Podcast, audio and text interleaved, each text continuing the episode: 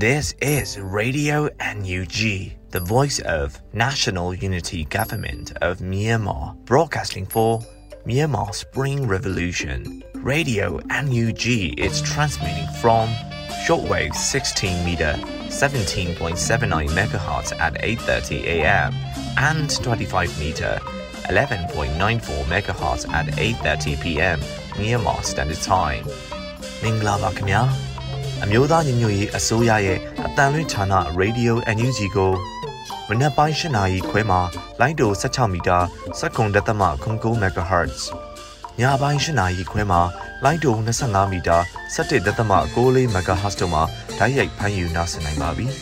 မင်္ဂလာအပေါင်းနဲ့ပြည့်စုံကြပါစေအခုချိန်ကစပြီး Radio NUG အစီအစဉ်တွေကိုဓာတ်ရိုက်အတန်လွှင့်ပေးနေပါပြီ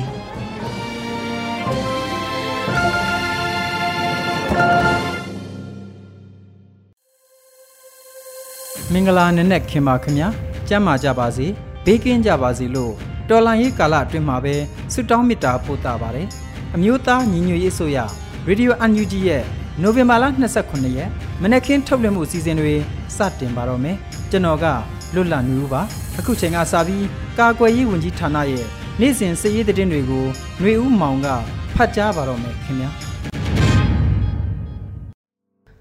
မင်္ဂလာပါခင်ဗျာ ယခုပထမဦးဆုံးတင်ဆက်ပေးမှာကတော့ကာကွယ်ရေးဝန်ကြီးဌာနအမျိုးသားညီညွတ်ရေးအစိုးရမှထုတ်ဝေသောနိုင်စဉ်စီရေးသတင်းအချင်းချုပ်ပဲဖြစ်ပါတယ်စစ်ကောင်စီတပ်သားတေဆုံး၈ဦးစစ်ကောင်စီတပ်သားဒဏ်ရာရစုံစမ်းစေစစ်ကောင်စီနဲ့တိုက်ပွဲဖြစ်ပွားမှုသတင်းများကိုတင်ဆက်ပေးပါမယ်ကရင်ပြည်နယ်တွင်နိုဝင်ဘာလ26ရက်နေ့မနက်6နာရီခန့်မှစပြီးတန်တောင်ကြီးမြို့နယ်လက်တိုဒေသတောင်ကူလိုက်ကောကားလန့်ရှိတန်မိုးတောင်ကျေးရွာအနီးတွင်ပြည်သူ့ကာကွယ်ရေး PDF ပူးပေါင်းတပ်များနဲ့ စစ်ကောင်စီတပ်များအကြားတိုက်ပွဲများအပြင်းအထန်ဖြစ်ပွားခဲ့ပြီးစစ်ကောင်စီတပ်ကရဟတ်ရင်လေရင်ဖြင့်ခုနှစ်ကြိမ်ပြန်ပြီးပြစ်ခတ်ခဲ့ရာပြည်သူများထိခိုက်ဒေဆုံးမှုများရှိခဲ့သည်လောလောဆယ်တွင်လမ်းများကိုပိတ်ဆို့ထားပြီးဖုံးဆက်သွယ်ရေးများကိုဖျက်တောက်ထားကတောင်ငူတန်တောင်လမ်း9မိုင်မှစစ်ကောင်စီကားကြီးတစ်စီးတက်လာနေပြီးအင်အားအများအပြားလာရောက်ဖြည့်တင်းနေကြောင်းသိရသည် မကွေးတိုင်းတွင်နိုဝင်ဘာလ26ရက်နေ့မနက်9:58မိနစ်ခန့်ကပေါက်မြို့နယ်ဂိုင်းလေရွာဂိုင်းလေရဲစခန်းအားပေါက်ပခဖပေါက်မြို့နယ်အခြေစိုက်ဒေသကာကွယ်ရေးတပ်ဖွဲ့များမြိုင်ပခဖမြိုင်မြို့နယ်အခြေစိုက်ဒေသကာကွယ်ရေးတပ်ဖွဲ့များရောဒေတာကာကွယ်ရေးတပ်ဖွဲ့များပူးပေါင်းကစီးနင်းတက်ခိုက်ခဲ့သောကြောင့်စစ်ကောင်စီတပ်ဖွဲ့ဝင်နဲ့ရဲတပ်ဖွဲ့ဝင်တေဆုံးဒဏ်ရာရရှိသူအရေးအတွက်များစွာရရှိခဲ့ပြီးစစ်ကောင်စီတပ်သားနဲ့ရဲတပ်သားများက၎င်းတို့စကန်အားစွန့်ခွာထွက်ပြေးခဲ့သည် ပြည်သူ့ကာကွယ်ရေးရဲဘော်နှအူကြဆုံးခဲ့ပြီးတိုက်ပွဲဖြစ်စဉ်အတွင်းစကိုင်းတိုင်းမုံရွာနာမခဘက်မှတက်လာသော MI35 နှစ်စီးရောက်ရှိကတိုက်ပွဲဖြစ်ပွားရာ area နဲ့အနီးနားဝန်းကျင်ကျေးရွာများရှိပြည်သူပိုင်းနေအိမ်များပေါ်သို့အကြမ်းဖက်ပုံကျဲတိုက်ခိုက်မှုများကြောင့်ပျက်စီးဆုံးရှုံးမှုများစွာရှိခဲ့သည်ဆက်လက်ပြီးမန္တလေးတွင်နိုဝင်ဘာလ28ရက်နေ့ကစင်ကူးမြို့နယ်ညောင်မေသာကျေးရွာရှိစစ်ကောင်စီခန့်အုပ်ချုပ်ရေးမှူးထွန်းမိတပိတ်ချင်းမြို့နယ်ပုံနာလေးကျေးရွာရှိ စစ်ကောင်စီခန့်အုပ်ချုပ်ရေးမှူးမင်းကောင်နဲ့၎င်း၏မိမပြူစောတိတနန်းစင်ဇော်ခိုင်တို့၄ဦးတို့အားဗိုလ်လင်းယုံအဖွဲ့ကပြစ်ခတ်တိုက်ခတ်ခဲ့ပြီးမန္တလေးတိုင်းအတွင်းရှိကျေးရွာများမှာအုပ်ချုပ်ရေးမှူး၊ရာအိမ်မှူး၊ဆယ်အိမ်မှူးတို့အားနိုဝင်ဘာလ26ရက်30ရက်နေ့အထိ9ရက်အတွင်းတပ်ဆိုင်ရာမြို့နယ်များမှထွက်ခွာသွားရန်သတိပေးထုတ်ပြန်ထားကြောင်းသိရသည်။တနင်္သာရီတိုင်းတွင်နိုဝင်ဘာလ25ရက်နေ့မွန်လွယ်ပိုင်းကပလောမြို့နယ်နန်းတောင်စစ်ကောင်စီဂိတ်ကိုမဟာမိတ်ပူးပေါင်းအဖွဲ့ဝင်တိုက်၍စစ်ကောင်စီတပ်သား၄ဦးတေဆုံးခဲ့သည်။ ဆက်လက်ပြီးစစ်ကောင်စီကျူးလွန်သောရာဇဝတ်မှုများကိုတင်ဆက်ပေးပါမယ်။ကရင်ဒီကရားပြည်နယ်တွင်နိုဝင်ဘာလ25ရက်နေ့ည9:00နာရီခန့်ကဓမောဆိုမြို့နယ်ရှိကျေးရွာများဘက်သို့ခလာရ100နှစ်တက်မှလက်နက်ကြီးဆယ်လုံးထပ်မံပြစ်ခတ်တိုက်ခိုက်ခဲ့ရာလူနေအိမ်တစ်လုံးထိမှန်၍မီးလောင်ပျက်စီးခဲ့ကြောင်းသိရသည်။ရခိုင်ပြည်နယ်တွင်နိုဝင်ဘာလ25ရက်နေ့ကကြောက်ဖြူမြို့နယ်ကြောက်ဖြူမြို့တန်ပန်ချောင်းရက်ကွက်မှရက်ကွက်အုပ်ချုပ်ရေးမှူးနိုင်စော်လင်း38နှစ်ကိုကြောက်ဖြူမျိုးဆရဖတပ်ဖွဲ့မှ ကြော်ကြော်ထုံးဦးဆောင်သည့်တပ်ဖွဲ့ဝင်15ဦးကအိမ်စီးကားနှစ်စီးဖြင့်လာရောက်ဖမ်းဆီးသွားကြောင်းသိရသည်။စကိုင်းတိုင်းတွင်နိုဝင်ဘာလ26ရက်နေ့ကကတာမြို့နယ်ပြင်ထောင်လေးကျေးရွာရှိစစ်ကောင်စီတပ်သားများကကျေးရွာပြည်သူ3ဦးကိုဖမ်းဆီးထားခဲ့သည်။မကွေးတိုင်းတွင်နိုဝင်ဘာလ26ရက်နေ့ကတရက်မြို့နယ်ရွာတစ်ကျေးရွာနှင့်ရင်းအိုင်ကျေးရွာကြားလမ်းပိုင်းတနေရာတွင်ကြောက်ထုအလုတ်သမားအမျိုးသား၄ဦးနှင့်ရွာသက်ကျေးရွာနေဒေသခံအမျိုးသမီးတဦးစုစုပေါင်းဒေသခံပြည်သူ9ဦးတို့အားစစ်ကောင်စီတပ်ဖွဲ့ဝင်များက လာရောက်ဖမ်းဆီးကစင်ကော်ရဲစခန်းသို့ခေါ်ဆောင်သွားခဲ့သည်ရန်ကုန်တိုင်းတွင်နိုဝင်ဘာလ26ရက်နေ့ကမင်္ဂလာလုံမြို့နယ်ပြစ်မှတ်ပင်ကျေးရွာအုပ်စုစံတမာရီရက်ကွက်ရှိနေအိမ်များကိုစက်ကောင်စီဗိုလ်မှူးကြီးတအူးဦးဆောင်၍အင်အားတရာခန့်ဖြင့်နေအိမ်များကိုဘူဒိုဇာနဲ့ထိုးဖျက်စီဖယ်ရှားခဲ့ပြီးအဆိုပါမြင်ကွင်းများကိုဓာတ်ပုံရိုက်ထားသူ၃ဦးကိုရိုက်နှက်ဖမ်းဆီးထားကြောင်းသိရသည်။ တနင်္လာရီတိုင်းတွင်နိုဝင်ဘာလ25ရက်နေ့မနက်6နာရီခန့်ကလောင်းလုံးမြို့နယ်ကြောက်နီမော်ရွာသို့ရောက်လာသည့်စစ်ကောင်စီတပ်သားများကညောပြင်ကျေးရွာအတွင်းတွင်ဝင်ရောက်ပစ်ခတ်နေကြောင်းသိရပြီး10နှစ်အရွယ်ကလေးငယ်2ဦးအားလမ်းတွင်ပြစ်တက်ခဲ့သည်။နေ့လယ်2:40တွင်ညောပြင်ရွာသား100ကျော်အားစစ်ကောင်စီတပ်သားများကဖမ်းဆီးပြီးနေပူရဲတွင်ထားခဲ့သည်။နေ့လယ်3:10မိနစ်တွင်ရောပြင်ရွာသားများထွက်ပြေးနေရပြီးစစ်ကောင်စီတပ်သားများရွာထဲ၌ရှိနေပြီးနေအိမ်များကိုဖျက်ဆီးခဲ့သည် ညနေ9:39တွင်ရောပြင်ရွာမှစစ်ကောင်စီတပ်သားများကြောက်နီမော်ရွာသို့ရောက်ရှိလာပြီးပြည်သူပိုင်ပစ္စည်းအများအပြားနဲ့စိုက်ကယ်ဆက်တစည်းကိုမတရားသိမ်းယူခဲ့သည်တို့အပြင်စိတ်မနှံ့သည့်ရွာသားတအုပ်နဲ့အီဂျာကွေးရောင်းနေသူတအုပ်တို့ကိုတပ်ဖြတ်ခဲ့သည်ယခုတက်ဆက်ပေးခဲ့တာကတော့ကာကွယ်ရေးဝန်ကြီးဌာနအမျိုးသားညီညွတ်ရေးအစိုးရမှထုတ်ဝေသောနိုင်စဉ်စီရေးတရင်အချင်းချုပ်ပဲဖြစ်ပါတယ်ကျွန်တော်ကတော့ຫນွေဦးမောင်ပါခင်ဗျာ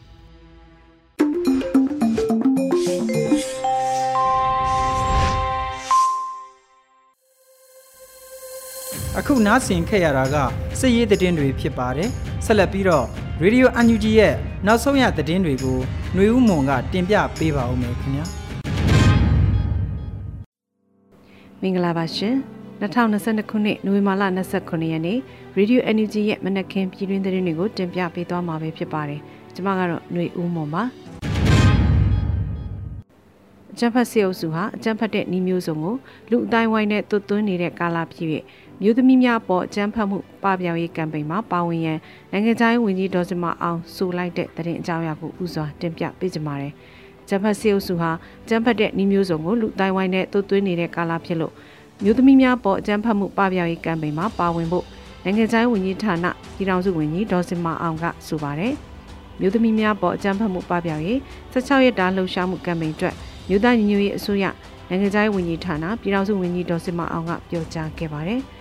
ထူအားဖြင့်အကြမ်းဖက်စီအုပ်စုကမြန်မာနိုင်ငံတစ်ခုလုံးလူဖွဲ့စည်းအဆောက်အုံတစ်ခုလုံးကိုအကြမ်းဖက်ဖိနှိပ်နေတဲ့ကာလအတွင်းမှာပုံမပြီးတော့ပါဝင်သင့်ပါတယ်။ရိုးရိုးဖိယုံနေုံမဟုတ်ဘဲနဲ့နိုင်ငံရေးအကြမ်းဖက်မှုတွေဖွဲ့စည်းတိဆောက်ပုံရအကြမ်းဖက်မှုတွေဒလိထုံးတဲ့အရအကြမ်းဖက်မှုတွေကိုအကြမ်းဖက်စီအုပ်စုကလူအတိုင်းဝိုင်းတွေကိုသွတ်သွင်းနေတဲ့ကာလဖြစ်ပါတယ်။ဒီကာလအတွင်းမှာနယူးဒေါ်လာမှာပူးပေါင်းပါဝင်နေတဲ့ပြည်သူလူထုကြီးအနေနဲ့လည်းဒီလှုပ်ရှားခြင်းမှာပါဝင်ခြင်းအဖြစ်နယူးဒေါ်လာရဲ့အနှစ်သာရကိုပုံမပြီးတော့ပြည့်စုံစေမှာ ဖြစ်တင်ပေးနိုင်မှာဖြစ်ပါတယ်လို့ဝန်ကြီးကဆိုပါတယ်။ဂျပန်စီအုပ်စုကလက်ရှိမှာလူပေါင်း2000ကျော်ကိုတပ်ဖြတ်ထားပြီးတော့တနိုင်ငံလုံးမှာရှိတဲ့အိုးအိမ်နဲ့အဆောက်အုံပေါင်း4000နီးပါးကိုမိရှုဖျက်ဆီးထားပါတယ်ရှင်။မလေးရှားနိုင်ငံမှအန်ဝါအီဘရာဟင်အားဝင်ကြီးချုပ်အဖြစ်ခန့်အပ်ခြင်းအတွက်ပြည်ထောင်စုဝန်ကြီးဒေါက်တာဆဆာဂုဏ်ပြုလွှာပေးပို့တဲ့သတင်းကိုလည်းတင်ပြပေးပါဦးမယ်။မလေးရှားနိုင်ငံမှအန်ဝါအီဘရာဟင်ကိုဝင်ကြီးချုပ်ဖြစ်ခန့်အပ်ခြင်းအတွက်ပြည်ထောင်စုဝန်ကြီးဒေါက်တာဆဆာကဂုဏ်ပြုလွှာပေးပို့ခဲ့ပါတယ်။ နှွေးမနောက်ဆုံးပတ်မှာပြည်ပဆိုင်ရာပူးပေါင်းဆောင်ရွက်ရေးဝန်ကြီးဌာနပြည်ထောင်စုဝန်ကြီးဒေါက်တာဆဆာကအသိပေးဖော်ပြခဲ့ပါတယ်။မလေးရှားနိုင်ငံမှာအန်ဝါအီဘရာဟင်အားဝန်ကြီးချုပ်ဖြစ်ခန့်အပ်ခြင်းအတွက်ကျွန်ုပ်တို့၏လိုက်လိုက်လဲလဲဂုဏ်ပြုလာကိုပေးပို့လိုပါတယ်။ဒါဟာဝန်ကြီးချုပ်အန်ဝါအီဘရာဟင်ကိုနိုင်ငံခေါင်းဆောင်ဖြစ်တဲ့နိုင်ငံရေးလှုပ်ဆောင်သူဖြစ်အတိမတ်ပြုတာကြားပြီးဖြစ်တဲ့ခန့်အပ်မှုနဲ့အတိမတ်ပြုမှုဖြစ်ပါတယ်။အာမြင်မှုတွေနဲ့ရှေ့ဆက်ပြီးအေးစင်သားရတဲ့ခီလန်ကိုဆက်လျှောက်ဖို့ကလွဲလို့ဘာမှမလိုလားပါဘူးမြန်မာနိုင်ငံမလေးရှားနိုင်ငံနဲ့ အာဆီယံတို့သာမကကမ္ဘာတဝန်းရှိဒီမိုကရေစီနဲ့လွတ်လပ်မှုတို့အတွက်အတူတကွဆက်လက်ပူးပေါင်းဆောင်ရွက်သွားရန်မျှော်လင့်ပါတယ်လို့ဆိုထားပါတယ်မလေးရှားနိုင်ငံမှာရွေးကောက်ပွဲတရက်ကျင်းပပြီးနောက်ဝန်ကြီးချုပ်အန်ဝါအီဘရာဟင်ဟာနိုင်ငံခေါင်းဆောင်အဖြစ်ရွေးချယ်ခံခဲ့ရပါတယ်ရှင်။ကြာရတာဝန်ကိုကျေးမြွန်စွာထမ်းဆောင်၍တော်လေးအောင်ရမည်ဆိုသည့်အလံကိုသာအမြင့်ဆုံးမြင့်တင်ထားတဲ့နယ်လို့လူခွင့်ရေးဆိုင်ရာဝန်ကြီးပြောဆိုတဲ့သတင်းအကြောင်းအရာကိုဆက်လက်တင်ပြပေးပါမယ်။ ကြာရတာဝန်ကိုကျေပြင်းစွာထမ်းဆောင်၍တော်လင်းအောင်ရမည်ဆိုသည့်အလံကိုသာအမြင့်ဆုံးမြင့်တင်ထားတဲ့နယ်လို့လူခွင့်ရေးဆိုင်ရာဝန်ကြီးဦးအောင်မျိုးမင်းကဆိုလိုက်ပါတယ်။လွေမာ26ဩစတြေးလျနိုင်ငံစစ်ဒနီမြို့မှာကျင်းပတဲ့ရမုံငွေစေရောင်းပွဲမှာပြည်ထောင်စုဝန်ကြီးဦးအောင်မျိုးမင်းမှပြောကြားခဲ့ပါတယ်။မြို့သားညွေအစိုးရအနေဖြင့်လမ်းစဉ်6ခုကိုချမှတ်၍ကောင်းထက်ဖို့ဆောင်ရွက်လျက်ရှိကြောင်းပြည်ပရောက်မြန်မာပြည်သူပြည်သားများ၏အခမ်းအနားကလည်းအင်မတန်အရေးကြီးပါကြောင်း အချင်းချင်းလက်ညှိုးထိုးတိုက်ခိုက်မနေပဲမိမိရောက်သည့်နေရာတွင်မိမိတာဝန်ကိုကျေပွန်စွာထမ်းဆောင်၍တော်လင်းရင်အောင်ရမည်ဆိုသည့်အလံကိုသာအမြင့်ဆုံးမြင့်တင်ထားတဲ့ကြောင်းဝန်ကြီးကဆိုပါတယ်။ဒါအပြင်ဩစတြေးလျနိုင်ငံအစိုးရအနေဖြင့်လည်းမမြန်မာနိုင်ငံပေါ်အကူအညီထောက်ပံ့မှုများအသိမှတ်ပြုမှုများလူသားချင်းစာနာထောက်ထားမှုအကူအညီများလူခွင့်ရေးကာကွယ်စောင့်ရှောက်သူများကိုကာကွယ်ပို့မှုများနဲ့ပတ်သက်၍ခုထက်ပိုမို၍ပိုမိုလှုပ်ဆောင်လာရန်နဲ့နိုင်ငံရေးအဆောင်ရွက်မှုများကိုလည်းပိုမိုလှုပ်ရှားလာစေရန်ဆန္ဒပြုကြောင်း လူခွင့်ရေးဆိုင်ရာဝန်ကြီးကထပ်လောင်းဆိုခဲ့ပါတယ်ရှင်။မြို့သားညီညွတ်ရေးအစိုးရဂျာကာလဒေသန္တရပြည်သူ့အုပ်ချုပ်ရေးဖော်ဆောင်မှုဗဟိုကော်မတီနဲ့ပဲခူးတိုင်းပြည်သူ့အုပ်ချုပ်ရေးဖွဲ့များတွဲဆုံတဲ့တရင်အကြောင်းအရာကိုလည်းဆက်လက်တင်ပြပေးပါမယ်။မြို့သားညီညွတ်ရေးအစိုးရဂျာကာလဒေသန္တရပြည်သူ့အုပ်ချုပ်ရေးဖော်ဆောင်မှုဗဟိုကော်မတီနဲ့ပဲခူးတိုင်းပြည်သူ့အုပ်ချုပ်ရေးဖွဲ့များတွဲဆုံခဲ့တယ်လို့တရင်ရရှိပါတယ်။နိုဝင်ဘာ26ရက်မှာမြို့သားညီညွတ်ရေးအစိုးရဂျာကာလဒေသန္တရပြည်သူ့အုပ်ချုပ်ရေးဖော်ဆောင်မှုဗဟိုကော်မတီနဲ့ ပဲခူးတိုင်းပြည်သူ့အုပ်ချုပ်ရေးဖွဲ့များတွဲဆုံဆွေးနွေးပွဲအစည်းအဝေး၄မြင့်ဆောင်2022ကိုကျင်းပခဲ့ပါတယ်။စီဝေမှာဂျာကာလဒေသနာပြည်သူ့အချုပ်ရေးဖော်ဆောင်မှုဗဟိုကော်မတီဒုတိယဥက္ကဋ္ဌပြည်ထောင်နဲ့လူဝင်မှုကြီးကြပ်ရေးဝန်ကြီးဌာနပြည်ထောင်စုဝန်ကြီးဦးလင်ကိုလက်မှဖွင့်မစကားပြောကြားခဲ့ပါတယ်။ဆက်လက်ပြီးကျန်းမာရေးဝန်ကြီးဌာနမှဆောင်ရွက်နေသောမူဝါဒများကိုရှင်းလင်းပြောကြားခဲ့ပြီးတဲ့နောက်ပဲခူးတိုင်းပြည်သူ့အုပ်ချုပ်ရေးဖွဲ့များမှမြေပြင်ကျုံတွေ့နေရတဲ့အခက်အခဲများနဲ့မူဝါဒတိုင်းဆိုင်ရာသိရှိလူသည်များကိုအပြန်အလှန်ဆွေးနွေးခဲ့ကြပါတယ်။ အဲ့နောက်တရားစာတာနဲ့တဘာဝပတ်ဝန်းကျင်ထိန်းသိမ်းဝန်ကြီးဌာနပြည်ထောင်စုဝန်ကြီးဒေါက်တာတူကောင်ကညီကုန်းချုပ်စကားပြောကြားခဲ့ပါတယ်။တွေ့ဆုံပွဲကိုပြည်ထောင်စုဝန်ကြီးဦးလကိုလက်မှဦးဆောင်ကပြည်ထောင်စုဝန်ကြီးဒုတိယပြည်ထောင်စုဝန်ကြီးများအမြဲတမ်းအတွင်းဝင်များနဲ့ဌာနအသီးသီးမှတာဝန်ရှိသူများပဲခူးတိုင်းပြည်သူ့အုပ်ချုပ်ရေးအဖွဲ့များမှတက်ရောက်ခဲ့ကြတယ်လို့သိရှိရပါတယ်ရှင်။ဗတိချီတက်စစ်တပ်ပြက်ကမ်ပိန်းမှကန်ဆယ်မဲလက်မှတ်များဝယ်ယူရန်တရုတ်ဆောင်မင်းမော်ကွန်တိုက်တွန်းတဲ့တရင်ကိုလည်းတင်ပြပေးကြပါမယ်။ ဗတိချီတက်စစ်တပ်ပြက်ကမ်ပိန်းမှာကန်ဆယ်မဲလက်မှတ်များဝယ်ယူပေးဖို့တရုတ်ဆောင်မင်းမော်ကွန်ကတိုက်တွန်းပြောကြားလိုက်ပါတယ်။နွေမာ26ရက်မှာတရုတ်ဆောင်မင်းမော်ကွန်းကကမ်ပိန်းနဲ့ပတ်သက်လို့ပြောကြားခဲ့တာဖြစ်ပါတယ်။ဇူလိုင်လတုန်းကလိုင်းမော်ဟိုလီတကြောကြောနာမည်ကြီးသွားတဲ့ကောင်ကြီးခုမှသူ့ရဲ့ဒူဘိုမူကြီး level ကိုတော်လိုင်းရမငွေရှာဖို့ကန်ဆယ်မဲ့ရောင်းမယ်တဲ့စုံစမ်းကြည့်တော့တော်လိုင်းနဲ့ပတ်သက်လို့မြမပြည်သူတွေပေါ်အတော့အကျိုးပြုတာပဲဗျ။ရှေ့တန်းစေးတက်သားဆိုလည်းမမှားဘူး။ တိုက်ပွဲမှာထိခိုက်ဒဏ်ရာရတဲ့ရဲဘော်တွေကိုစေအိတ်ထမ်းပြီးဆရာဝန်တွေနဲ့အတူရှေ့တန်းထိစေကူတာရလိုက်ကူတယ်ဗျ။လက်နက်ကြီးကြရင်လည်းရဲဘော်တွေဆရာဝန်နဲ့စစ်တပ်သားတွေစစ်ဘေးရှောင်ပြည်သူတွေကိုဘုံခိုခြင်းရှာပေးတာဘုံခိုခြင်းနေရာကိုလမ်းပြတာတွေလုပ်ပေးသေးတာတဲ့ချစ်ဖို့မကောင်းဘူးလားဗျာဗဒီကိုချစ်ရင်မဲဝယ်ပေးကြပါလို့ဆိုထားပါတယ်ဗဒီချီတဲ့စစ်တပ်ပြက်ကမ်ပိန်းကိုနွေမာ25ရက်မှစတင်ပြီးဗဒီရဲ့ကမ်ပိန်းမှရရှိလာတဲ့ရမငွေများကို80ရာခိုင်နှုန်း ကင်းနီမြေပြင်နဲ့30ရာခိုင်နှုန်းကာကွယ်ဝန်ကြီးဌာနမြို့သားညီညွတ်အစိုးရကိုလွှဲပြောင်းပေးအပ်သွားမှာဖြစ်ပါတယ်ရှင်။ကလစ်ဒူဒိုနဲ့ဝင်ငွေရော့နေလာပြီးတမက်ပမာဏပြည့်မီရန်ပြည်သူများကလစ်နှိပ်ဖို့တိုက်တွန်းတဲ့သတင်းကိုလည်းတင်ပြပေးပါဦးမယ်။ကလစ်ဒူဒိုနဲ့ဝင်ငွေရော့နေလာတာကြောင့်တမက်ပမာဏပြည့်မီရန်ပြည်သူများကလစ်နှိပ်ဖို့တိုက်တွန်းလိုက်ပါတယ်။နိုဝင်ဘာ26ရက်မှာကလစ်ဒူဒိုနဲ့ကအသိပေးဆိုထားပါတယ်။မနစ်ကဒီချိန်ပေါ့တရက်ကို300လောက်ရခဲ့တာက လစ်က9000နဲ့တသိန်းကြားရခဲ့တာပေါ့ခင်ဗျာ။ဒီနှစ်တော့ကျွန်တော်တော့တစ်လ3000ရဖို့ကိုမနှဲမျောလင့်နေရပါတယ်ခင်ဗျာ။ပြောချင်တာကကလစ်ကြပါစို့ခမညာလို့ဆိုပါတယ်ကလစ်တူတိုနေဟာပြည်သူများကလစ်နှိပ်၍ရရှိငွေမှဒေါ်လာအင်အားစုများကိုပြန်လည်ထောက်ပို့ရခြင်းလုပ်ငန်းစဉ်တစ်ရပ်ဖြစ်ပါတယ်ရှင်ဆီယနာသိမ်းပြီးနောက်တပ်ဖြတ်ခံထားရတဲ့မျိုးသမီး300ကျော်တွင်အသက်12နှစ်အောက်မိန်းကလေးအယောက်30ပါဝင်ခဲ့တဲ့ဆိုတဲ့အကြောင်းအရာကိုလည်းတင်ပြပေးပါမယ်။ ဆီယနာသိမ်းပြီးနောက်တပ်ဖြတ်ခံထားရတဲ့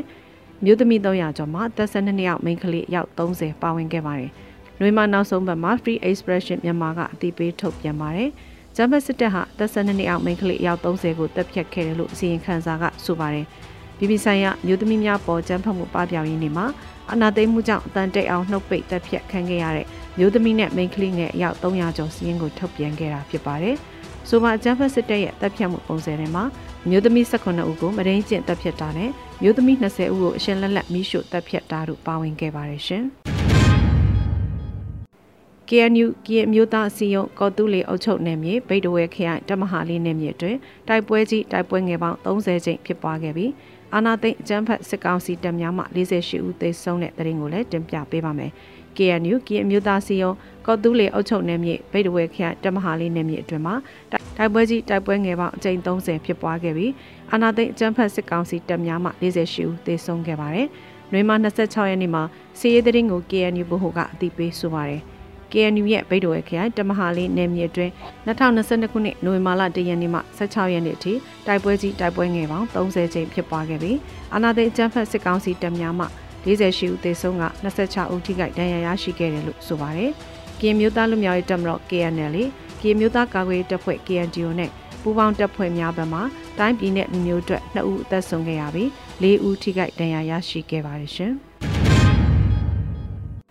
ရှဲတို့ထုတ်လုပ်ရေးနဲ့လက်နက်ကြီးတပ်ဖွဲ့မှလက်လုံမောင်းမြန်တဲ့များထုတ်လုပ်နေတဲ့သတင်းကိုလည်းတင်ပြပေးပါောင်းမယ်။ရှဲတို့ထုတ်လုပ်ရေးနဲ့လက်နက်ကြီးတပ်ဖွဲ့မှလက်လုံမောင်းမြန်တဲ့များထုတ်လုပ်နေတယ်လို့သတင်းရရှိပါတယ်။ နွေမာ26ရက်မှာရှဲတို့ထုတ်လုပ်ရေးနဲ့လက်နက်ကြီးတပ်ဖွဲ့မှအသိပေးဆိုပါတယ်။ကျွန်တော်တို့ထုတ်လုပ်ရေးပိုင်းလူငယ်များအနေနဲ့ကိုစွမ်းညံစွမ်းရှိသလောက်နဲ့နေ့စဉ်နဲ့မျှတီထွင်ကြံစပြီးလက်လုံမောင်းပြန်များထုတ်လုပ်နေပါတယ်။ရေးပေါ် mission တစ်ခုအတွက်လည်းမိုင်းအလုံးတရာ project လှုပ်ဆောင်နေပါတယ်လို့ဆိုပါတယ်။ share တို့ထုတ်လို့ရတဲ့လက်နက်ကြီးတပ်ဖွဲ့ဟာဆီယနာရှင်စနစ်ကိုခုခံတွန်းလှန်နေတဲ့တော်လိုင်းအင်အားစုလည်းဖြစ်ပါတယ်ရှင်။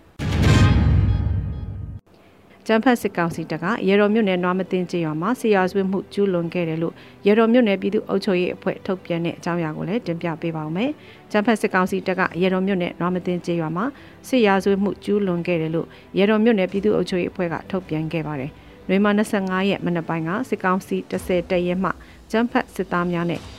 ငွေရင်းရွာကန်ပြူစောတိအင်အား90ခန်းဟာရေတော်မြို့နယ်တောင်ပိုင်းနွားမတင်အရှိကျေးရွာကို တနက်များပြစ်ဖောက်ခဝင်ရောက်စီးနှင်းပြီးမိရှုဖျက်ဆီးခဲ့တယ်လို့ဆိုပါတယ်။မိရှုမှုဖြစ်စဉ်မှာကျေးရွာပြည်သူလူထုရဲ့နေအိမ်82လုံးနဲ့အိမ်အောင်စုများရဲ့ပစ္စည်းများ၊လျာသုံးကျွဲနွားများ၊စိုက်ပျိုးရေးစက်မှုပစ္စည်းများမိလောင်ပျက်စီးဆုံးရှုံးခဲ့ရတယ်လို့ဖော်ပြပါတယ်။ဒါအပြင်နွားမသိကျေးရွာကိုစစ်ကောင်စီတပ်ဖွဲ့များကမီးတင်ရှုခဲ့မှုမှာလေးဖြန်းထားပြီးမျက်စိမမြင်သောကြောင့်မရှောင်တိန်လိုက်နိုင်တဲ့အသက်60အရွယ်အဖွာတော်ထင်မှာရှင်လက်လက်နေအိမ်မီးထဲမှာသေဆုံးခဲ့ရတယ်လို့ရတော်မြို့နယ်ပြည်သူ့အုပ်ချုပ်ရေးအဖွဲ့ကဖော်ပြပါတယ်။ ဂျပန်စစ်ကောင်စီရဲ့ဤလိုရများကိုရသားပြည်သူများပေါ်ပြစ်မှတ်ထား၍တိုက်ခိုက်သောလူမဆန်သည့်ဂျမ်ဖတ်စစ်ရာဇဝတ်မှုများအဖြစ်မှတ်တမ်းထားရှိပြီး၎င်းပြစ်မှုများအား International Court of Justice ICJ ထံသို့တပ်သေးအဖြစ်တင်ပြသွားမယ်လို့ဆိုပါရရှင်။ခုတင်ပြခဲ့တဲ့သတင်းတွေကိုတော့ Radio Energy သတင်းတောက်မင်းမင်းကပေးပို့ထားတာဖြစ်ပါရဲ့ရှင်။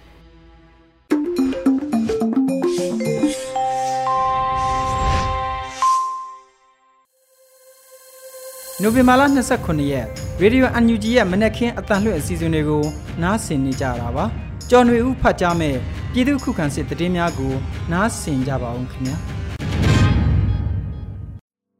ပထမဆုံးအနေနဲ့စစ်ကောင်စီရဲ့တပ်မ33စစ်ကြောင်းမိုင်းဆွဲခံရတဲ့တဲ့ရင်ကိုတင်ဆက်ပါမယ်။စကိုင်းတိုင်းအတွင်းစစ်ကြောင်းထိုးနေတဲ့တပ်မ33ရဲ့စစ်ကား15စီးပါရင်တန်းယမနေ့နေ့လယ်ပိုင်းကချောင်းဦးမြို့နယ်နဲ့မြင်းမှုမြို့နယ်ကြားမှာမိုင်းဆွဲတိုက်ခိုက်ခံခဲ့ရကြောင်း ဒေတာတွင်တော်လှန်ရေးဖွဲ့များထံမှသိရပါဗျ။မိုင်းဆွဲတိုက်ခိုက်မှုဖြစ်စဉ်တွင်စစ်တပ်ဘက်ကအများအပြားဒဏ်ရာရရှိနိုင်တဲ့ကဲ့သို့တေဆုံးသူများလည်းရှိနိုင်တော့လဲမြေပြင်လုံခြုံရေးအခြေအနေကြောင့်အတီးပြုတ်ရန်ခက်ခဲနေသေးတယ်လို့သိရပါဗျ။ဒါအပြင်ယမနေ့မနက်ပိုင်းကလည်းမြင်းမှုမြို့နယ်ဂွေးပင်တော်ရွာအခြေပြုစစ်တပ်ရဲ့တက်ခွဲ6မှအင်အား90ခန့်ဟာမြောင်လန်းခွဲ၌ကင်းပုံချခဲ့ကြောင်းသိရပါဗျ။အဲ့ဒီလိုကင်းပုံချနေစဉ်ဒေသခံတော်လှန်ရေးတပ်ဖွဲ့တွေက ရှေ့ထွက်မိုင်း6လုံးအုံပြုပြီးတိုက်ခိုက်ခဲ့ရာစစ်ကောင်စီဘက်က9ယောက်တေဆုံးသွားကြောင်းလည်း MRA ထံမှသိရပါဗျ။ဆက်လက်တင်ဆက်ပေးမှာကတော့ဒီမော့ဆိုညတိုက်ပွဲတွင်စစ်ကောင်စီက10ရောက်ထက်မနည်းထိခိုက်မှုရှိခဲ့တဲ့တဲ့တင်ဖြစ်ပါတယ်။ကရင်ပြည်နယ်ဒီမော့ဆိုနယ်အရှေ့ဘက်ဒေသမှာနိုဝင်ဘာလ25ရက်နေ့ညကတိုက်ပွဲအတွင်းစစ်ကောင်စီတပ်သား10ယောက်ထက်မနည်းထိခိုက်ဒေဆုံးခဲ့ကြောင်းတပ်ရင်း1131အလဲပိုင်းတိုင်းစစ်ဌာနချုပ်ကဒီကနေ့မှသတင်းထုတ်ပြန်ပါတယ်။ တရင်တစ်တစ်တုံညတစ်နဲ့အလဲပိုင်းတိုင်းအထူးစစ်စင်ရေးတပ်ဖွဲ့တို့ရဲ့ညတိုက်ပွဲဆင်နွှဲမှုအတွင်းစစ်ကောင်စီတပ်သား10ယောက်ထက်မနည်းထိခိုက်ကြဆုံးမှုတွေရှိခဲ့တယ်လို့ထုတ်ပြန်ကြမှာဖော်ပြထားပါတယ်။တိုက်ပွဲဖြစ်ပွားရာနေရာကိုလွိုက်ကော်မှာရှိတဲ့စစ်ကောင်စီလက်နက်ကြီးတပ်တွေကပစ်ကူပေးခဲ့ပေမဲ့တော်လန်ရေးတပ်ဖွဲ့တွေအထိခိုက်မရှိပြန်လည်ဆုတ်ခွာနိုင်ခဲ့တယ်လို့လည်းသိရပါတယ်။နောက်ဆုံးတင်ဆက်ပေးမယ့်သတင်းကတော့ မြိုင်မြို့နယ်မှာစစ်ကောင်စီတပ်ဆွဲထားတဲ့ပြူစောတိရွာကိုလက်နက်ကြီးဖြင့်ပစ်ခတ်ခဲ့တဲ့တဲ့ရင်ဖြစ်ပါတယ်။မကွေးတိုင်းမြိုင်မြို့နယ်ပြူစောတိများစခန်းချထားတဲ့ကန်ဒီကျေးရွာကိုလက်နက်ကြီးများဖြင့်ပစ်ခတ်တိုက်ခိုက်ခဲ့ကြောင်းမြိုင်မြို့နယ်ကျေးရွာများတော်လှန်ရေးတပ်ဦးမြိုင် Villages Revolution Front MVRF ကသတင်းထုတ်ပြန်ပါတယ်။အဲ့ဒီလိုတိုက်ခိုက်မှုကြောင့်ထိခိုက်ဒေဆုံးမှုအားစုံစမ်းနေဆဲဖြစ်ပြီးအသေးစိတ်ထုတ်ပြန်နိုင်ခြင်းတော့မရှိသေးပါဘူး။ကန်ဒီရွာဟာမြိုင်နဲ့လက်ရက်မလမ်းမပေါ်တွင်တည်ရှိကာ မြိုင်မြို့မှ9မိုင်နဲ့လက်ရက်မမှ6မိုင်ခန့်အကွာတွင်ရှိပြီးရွေးကောက်ပွဲစီယုံရေးကာလာများမှစကာမဘာသာအမျိုးဘာသာသာသနာအဖွဲ့များရဲ့ဩဝါဒမှိုင်းများမိထားပြီးကြန့်ခိုင်ဖွံ့ဖြိုးရေးထောက်ခံသူများအများစုရှိတဲ့ရွာဖြစ်ကြောင်းသိရပါဗျ။အဆိုပါရွာမှာလက်နက်ကင်အင်အား80ဝန်းကျင်ခန့်ရှိပြီးစစ်ကောင်စီတပ်ဖွဲ့ဝင်များမှဆက်လက်60မမ80မမများတပ်ဆင်ထားကအခိုင်အမာခြေကုပ်ယူထားကြောင်း MVRF အတွင်းရေးမှူးကဆက်လက်ပြောဆိုပါရယ် ကန်နီရွာအနီးရှိကြေးရွာများမှာပြူစောတိနဲ့စစ်ကောင်စီတို့ရန်မှတတိထားနေထိုင်ရတော့လဲကာကွယ်တပ်ဖွဲ့များလည်းတိုးချဲ့ဖွဲ့စည်းထားနိုင်ပြီးပြူစောတိအမာခံရွာများဆက်လက်မပေါ်ပေါက်စေရန်လှုံ့ဆော်ထားနိုင်ကြောင်းသိရှိရပါတယ်ခင်ဗျာ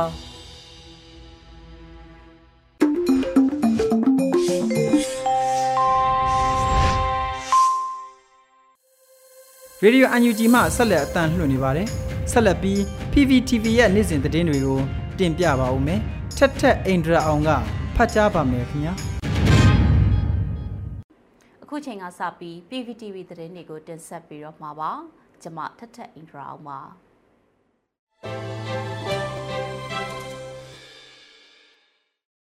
ပထမဆုံးတင်ဆက်ပေးမှာကတော့ဂျာကာလာဒေသန္တရာပြည်သူ့အုပ်ချုပ်ရေးဖော်ဆောင်မှုဗဟိုကော်မတီနဲ့တိုးချက်ပြည်သူ့အုပ်ချုပ်ရေးအဖွဲ့များတွဲဆုံဆွေးနွေးရဆိုတဲ့သတင်းမှာ အမျိုးသားညီညွတ်ရေးအစိုးရဂျာကာလာဒေသန္တရပြည်သူ့အုပ်ချုပ်ရေးဖော်ဆောင်မှုဗဟိုကော်မတီနဲ့တိုးချက်ပြည်သူ့အုပ်ချုပ်ရေးအဖွဲ့များတွဲဆုံဆွေးနွေးမှုကိုနိုဝင်ဘာလ25ရက်မနက်9:00နာရီအချိန်မှာပြုလုပ်ခဲ့ပါတယ်။အစည်းအဝေးမှာဂျာကာလာဒေသန္တရပြည်သူ့အုပ်ချုပ်ရေးဖော်ဆောင်မှုဗဟိုကော်မတီအတွင်းရေးမှူးအဖွဲ့ဝင်လူသားချင်းစာနာထောက်ထားရေးနဲ့ဘေးရန်ရဲ့ဆိုင်ရာစီမံခန့်ခွဲရေးဝန်ကြီးဌာနပြည်ထောင်စုဝန်ကြီးဒေါက်တာဝင်းမြင့်အေးကအုပ်ချုပ်ရေးလုပ်ငန်းတွေဆောင်ရွက်ရပါအတူတကွလက်တွဲပြီးတော့မူဝါဒတွေနဲ့အညီဆောင်ရွက်ရန်လိုအပ်တဲ့ တော်လိုင်းမှာပြည်သူလူထုပါဝင်မှုကအမတန်မှအရေးကြီးတယ်။အုပ်ချုပ်မှုဖော်ဆောင်နိုင်မှုထိန်းချုပ်နိုင်မှုကဒေတာရင်းပအဖပကဖပါလာဖရီရဲ့လှုပ်ဆောင်ချက်တွေနဲ့ NUG အစိုးရရဲ့လှုပ်ဆောင်နိုင်မှုကိုပြသနိုင်ခြင်းဖြစ်တယ်။တော်လိုင်းရေးကာလအတွင်းအယက်သားထိခိုက်မှုလျော့နေရေးနဲ့စောင်းနိုင်ရခါဖူလုံရေးကိုဦးစားပေးဆောင်ရွက်လျက်ရှိတယ်။တော်လိုင်းရေးကကဏ္ဍဆောင်နေရာဆောင်အတီးတီကတပြိုင်နက်တည်းဆောင်ရွက်နေတာဖြစ်လို့ညီညီညွတ်ညွတ်ပေါင်းစည်းညှိနှိုင်းဆောင်ရွက်ကြစီလိုတယ်လို့ပြောကြားခဲ့ပါတယ်။ အဲဒီနောက်ဝန်ကြီးဌာနတွေကဆောင်ရွက်နေတဲ့လုပ်ငန်းတွေနဲ့ပတ်သက်ပြီးရှင်းလင်းတင်ပြတာတွေပြုလုပ်ခဲ့တယ်လို့တိုးချက်ပြည်သူအုပ်ချုပ်ရေးအဖွဲ့တွေကလည်းမြေပြင်ကြုံတွေ့နေရတဲ့အခက်အခဲတွေနဲ့သိရှိလူရာတွေကိုပြန်လည်ဆွေးနွေးခဲ့ပါတယ်။အဆိုပါဆွေးနွေးပွဲကိုဂျာကာလာဒေသန္တရပြည်သူ့အုပ်ချုပ်ရေးဖော်ဆောင်မှုဘိုးကော်မတီအဖွဲ့ဝင်တွေအမြဲတမ်းအတွဲဝင်တွေတွဲဘက်အတွဲဝင်တွေနဲ့ဌာနဆိုင်ရာတွေကတာဝန်ရှိသူတွေတိုးချက်ပြည်သူ့အုပ်ချုပ်ရေးအဖွဲ့တွေကတာဝန်ရှိသူတွေတက်ရောက်ခဲ့ကြပါတယ်။ ခုတစ်ခါတင်ဆက်ပေးမှာကတော့ထီးဆိုင်မြို့နယ်အတွင်းကကြေးရွာတွေကိုအကြမ်းဖက်စစ်တပ်ကစစ်ကြောင်းထိုးဝင်ရောက်ပြီးနေအိမ်တွေကိုမိရှို့ဖျက်ဆီးနေတဲ့ဆိုတဲ့သတင်းမှာစကိုင်းတိုင်းထီးချိုင်မြို့နယ်အတွင်းကစူးပုတ်ချောင်းကျွာကိုအကြမ်းဖက်စစ်တပ်ကနိုဝင်ဘာ25ရက်ညနေမှာစစ်ကြောင်းထိုးဝင်ရောက်ပြီးနေအိမ်တွေကိုမိရှို့ဖျက်ဆီးမှုတွေလှုပ်ဆောင်နေတာပါ။ အကြမ်းဖက်စစ်တပ်ကပြူစော်ရီတွေနဲ့အတူအင်အား200ကျော်နဲ့စုပုတ်ချောင်ကြေးရွာကိုစစ်ကြောင်းထုံဝင်ရောက်လာခဲ့တာဖြစ်ပြီးတော့နေအမျိုးကိုမိရှုဖျက်ဆီးခဲ့ပါတယ်။ယမန်နီမိရှုခံရမှုမှာရွာလုံးကျွတ်နီးပါးမိလောင်ပြီးစက်အိမ်ခန့်သားကြက်ရှိတော့ကြောင်းကနအူသိရတယ်လို့ T-Jan Revolution TR ကသတင်းထုတ်ပြန်ထားပါတယ်။စုပုတ်ချောင်ကြေးရွာကိုမိရှုခဲ့တဲ့အကြမ်းဖက်စစ်တပ်စစ်ကြောင်းက စုပုတ်ချောင်ဖျားတောင်ယူနဲ့တော်ရဲမှာဒီကနေ့အထိရှိနေဆဲဖြစ်တယ်လို့ Teacher Revolution TR ကအသိပေးထားပါတယ်။ဒါအပြင်ကျက်တရီချောင်းအရှိတောင်ယူပေါ်မှာလည်းအကြမ်းဖက်စစ်တပ်ကဒီကနေ့မနက်ထိတက်ဆွဲထားတယ်လို့အသိပေးထားပါတယ်။စုပုတ်ချောင်းကျေးရွာကထိချိုက်မြို့အနီးကကျေးရွာဖြစ်ပြီးအကြမ်းဖက်စစ်တပ်ကမြို့အနီးကကျေးရွာတွေကိုစစ်ကြောင်းထိုးဝင်ရောက်ပြီးတော့မိရှို့ဖျက်ဆီးတာတွေပြုလုပ်နေတာပါ။ကျေးဇူးတင်ပါတယ်ရှင်။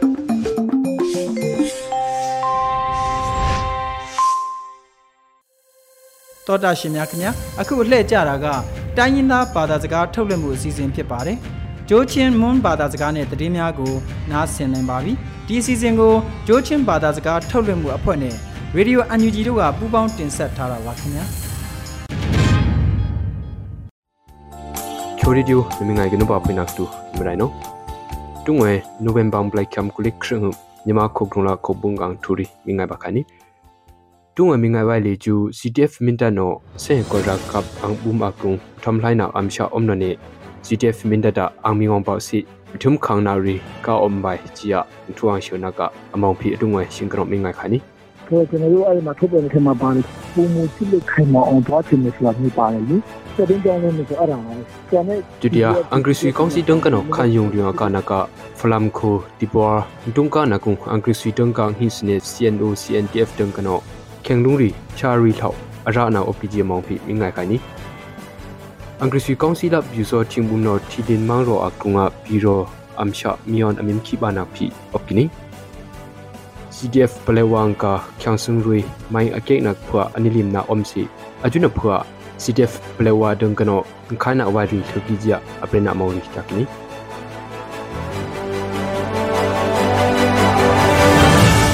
CDF Mintano angbuma krung abulo biwajia bunane November Black Cam kulerium kanom kudik thum khong hubrui akrung aming rena omgija November Black Cam kulik thum khumudang apren lo na opkini ajuna aming rena gung leju CDF minta tamha mu pyu ha mu la tayim bong ka angwai ri kyangsuk klikim no kaine aming rena opkija pritkuini ajuna aming rena gung CDF minta da akya lo na kon online platform tung kan jum pi keso press nari akdum omlo naria khana CDF mintano ashina pritkini ဟော အားလုံးလည်းသိတဲ့အတိုင်းပဲကိုမင်းတို့ CDF ပါမဟုတ်အားလုံးကဝေဖန်တိုက်ဖက်ခံရတာလေအခုချိန်မှာတကယ်လို့တဲ့လူရောမလို့တဲ့လူရောအဖွဲ့အစည်းတိုင်းက PDF တော်လကောင်းပါလေလောကအကုန်လုံးတိုက်ခိုက်ခံတဲ့ဒီလိုလားကြတော့ကျွန်တော်တို့ပြောချင်တာဝေဖန်တိုက်ဖက်မှုပြောတာပုံစံနဲ့ကျွန်တော်တို့က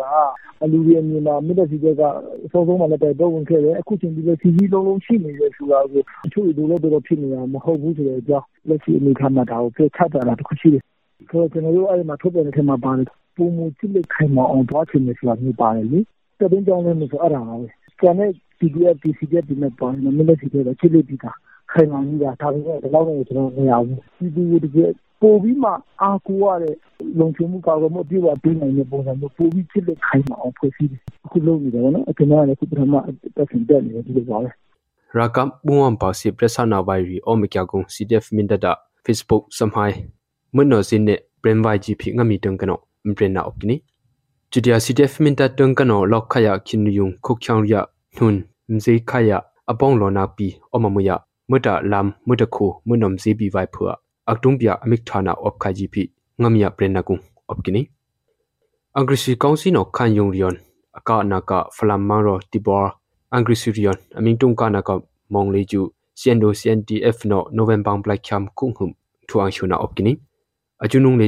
leju bribriga november black kham ku khongai thakung kano dine agrisi tang kano khan yu hi thakon lone akana opki gp cno cndf no pritkini judia khongai dong himkin shali ur thakung kano dine agrisi la cndf la tungkana omne agrisi tangka hi sine kenglung phyari da dum dubagi amira na opki gp cno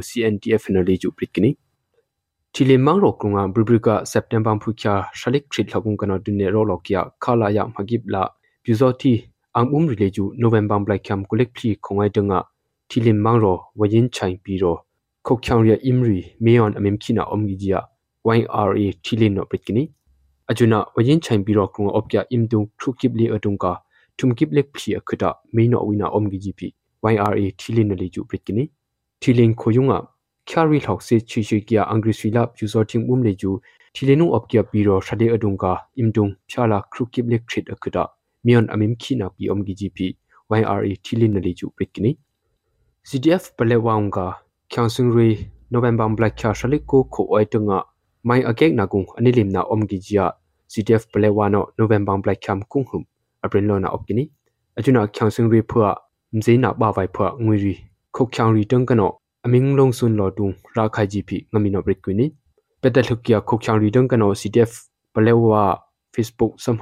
samhaya apedung ra gi kene mbangwi tumhala tumhada dum duba king khai gi phwa certificate ame pe na om khai ji phi cdf palewa na liju aprena ingam thindri ne adungai thuminga liju ashim bangya khani nyama khokrung la khobung opkya khoza khyang man ayo thisina angai na ri ayo mai sojia chingkano printuni မပါဖွင့်တော့ပါလိုင်းနေအောင်ပါဒီကနေ့ကတော့ဒီညနေပဲ Radio NUG ရဲ့အစည်းအဝေးတွေကိုခਿੱတရရနိုင်ပါမယ် မြန်မာစံတော်ချိန်မနက်၈နာရီခွဲနဲ့ည၈နာရီခွဲအချိန်တွေမှာပြန်လည်ဆုံးဖြတ်ကြပါစို့ Radio NUG ကိုမနက်ပိုင်း၈နာရီခွဲမှာလိုင်းဒို16မီတာစက္ကန့်တသမ9 MHz ညပိုင်း၈နာရီခွဲမှာလိုင်းဒို25မီတာ17သမ6 MHz တို့မှာဓာတ်ရိုက်ဖမ်းယူနားဆင်နိုင်ပါပြီမြန်မာနိုင်ငံသူနိုင်ငံသားများကိုယ်စိတ်နှပြကျန်းမာချမ်းသာလို့ဘေးကင်းလုံခြုံကြပါစေလို့ Radio NUG အဖွဲ့သူအဖွဲ့သားများကဆုတောင်းလိုက်ရပါတယ်။အမျိုးသားညီညွတ်ရေးအစိုးရရဲ့စက်သွေးရေးတရင်အချက်အလက်နဲ့ဤပညာဝန်ကြီးဌာနကထုတ်လွှင့်နေတဲ့ Radio NUG ဖြစ်ပါတယ်။ San Francisco Bay Area အခြေစိုက်မြန်မာမိသားစုများနဲ့နိုင်ငံတကာကစေတနာရှင်များလှုပ်အားပေးများရဲ့ Radio NUG ဖြစ်ပါတယ်။အရေးတော်ပုံအောင်ရမည်